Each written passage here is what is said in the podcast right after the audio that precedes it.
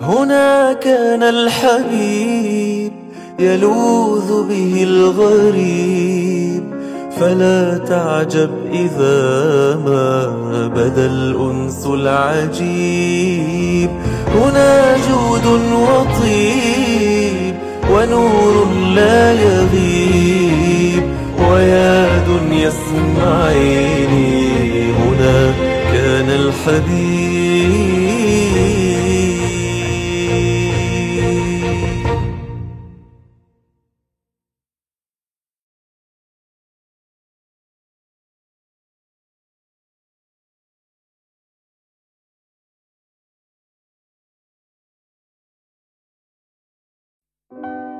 زار رسول الله صلى الله عليه وسلم الأبواء أكثر من مرة. والأبواء مكان فيه قبر أم الرسول صلى الله عليه وسلم آمنة بنت وهب. زارها الرسول صلى الله عليه وسلم وكانت أولى غزوات الرسول عليه الصلاة والسلام في الأبواء.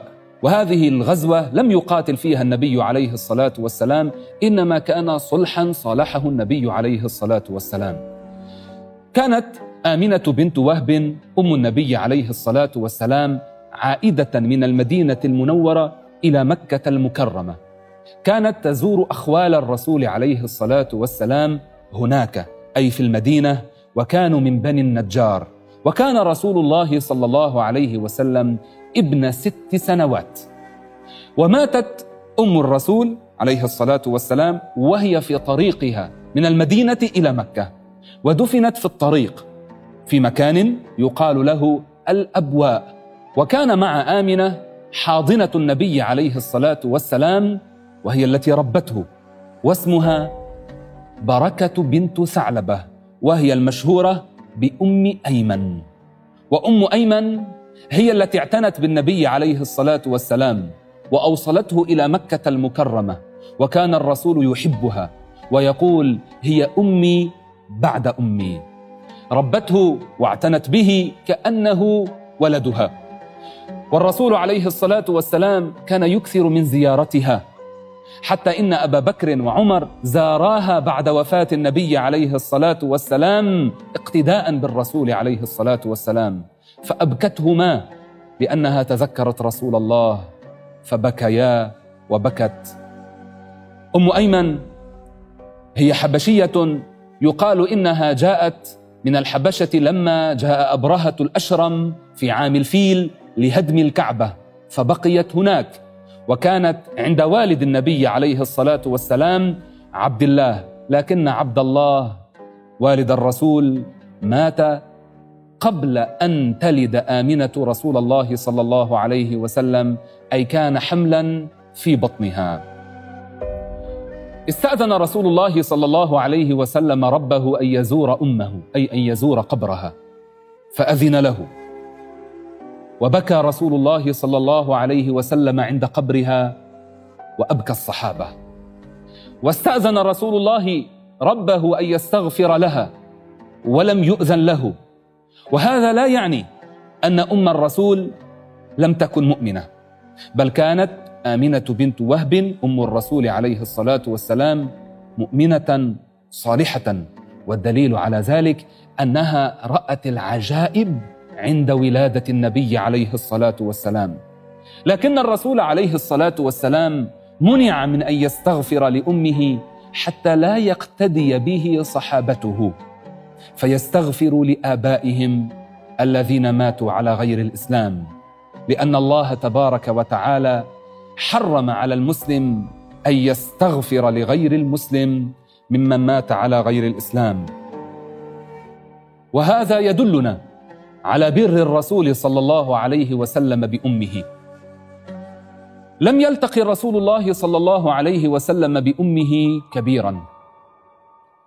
ومع ذلك حث على بر الوالدين حثا عظيما بليغا. أحبابي في الله بروا أمهاتكم وبروا آباءكم. الرسول عليه الصلاة والسلام لم يلتق بأمه كبيرا ولكن بلغنا عن النبي عليه الصلاة والسلام ما يدلنا على عظيم بره. فاطمة بنت أسد. أم الإمام علي بن أبي طالب. تربى رسول الله صلى الله عليه وسلم في بيتها. وذلك لأن النبي كفله جده بعدما ماتت أمه. وبعدما مات جده كفله عمه أبو طالب أبو علي رضي الله عنه وأرضاه. أبو طالب كان متزوجا من امرأة يقال لها فاطمة بنت أسد وكانت قد آمنت وأسلمت. وكان رسول الله يحبها. لما ماتت فاطمة بنت أسد تخيلوا معي. قعد رسول الله صلى الله عليه وسلم عند رأسها. وقال رحمك الله أمي. أنت أمي بعد أمي. وأمرهم رسول الله صلى الله عليه وسلم بتغسيلها ثلاثا. وصب رسول الله بنفسه الماء على جسدها. ونزع قميصه ولفها به وكفنها فوق قميصه. ولم يقتصر على ذلك. أمر رسول الله صلى الله عليه وسلم بحفر اللحد. واللحد حفرة تحفر في الأرض تحفر نزولا ثم في جهة القبلة. لما حفروا الحفرة نزل رسول الله في هذه الحفرة وهو حفر اللحد بيده وصار يأخذ التراب منه. ثم اضطجع رسول الله صلى الله عليه وسلم في هذا اللحد. وقال اللهم اغفر لأمي فاطمة بنت أسد ووسع عليها مدخلها ولقنها حجتها. بحق نبيك والأنبياء الذين من قبلي فإنك أرحم الراحمين. الله أكبر الله أكبر الله أكبر الله أكبر. وأنزلها رسول الله صلى الله عليه وسلم هو والعباس وأبو بكر. وهذا كله يدلنا على بر الرسول صلى الله عليه وسلم. كلنا نتمنى لو نزل رسول الله صلى الله عليه وسلم في قبورنا أو دعا لنا أو استغفر لنا أو صب علينا من الماء عند تغسيلنا. أو كفنا في ثوب النبي عليه الصلاة والسلام فنالت هذه المرأة بركة عظيمة لأنها ربت رسول الله صلى الله عليه وسلم. وهذه حليمة السعدية مرضعة النبي عليه الصلاة والسلام. يروى في بعض القصص أن النبي عليه الصلاة والسلام كان في ناحية ذات يوم فاهتم بامرأة فنظر الناس فصاروا يسألون عن هذه المرأة من هي؟ التي اهتم لشأنها رسول الله صلى الله عليه وسلم فقيل إنها حليمة السعدية هي مرضعة النبي عليه الصلاة والسلام فأكرمها رسول الله صلى الله عليه وسلم. رسول الله علمنا البر فينبغي احبابي أن نأخذ العبرة من فعل النبي عليه الصلاة والسلام وأن نتعلم من النبي الرحمة والشفقة والرأفة.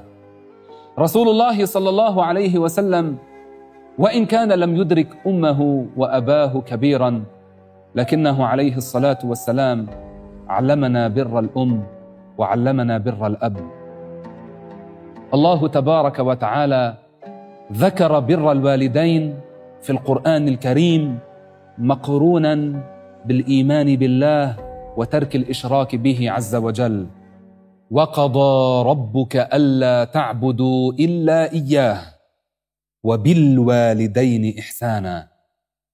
وقال لقمان لابنه وهو يعظه يا بني لا تشرك بالله إن الشرك لظلم عظيم. ووصينا الإنسان بوالديه حملته أمه وهنا على وهن وفصاله في عامين. أن اشكر لي ولوالديك إلي المصير. وإن جاهداك على أن تشرك بي ما ليس لك به علم فلا تطعهما وصاحبهما في الدنيا معروفا. صدق الله العظيم. في الأبواء كان رسول الله صلى الله عليه وسلم فحلت بالأبواء البركة. نسأل الله تبارك وتعالى أن يرزقنا زيارة الأماكن التي كان فيها رسول الله وأن يرزقنا بر أمهاتنا وآبائنا.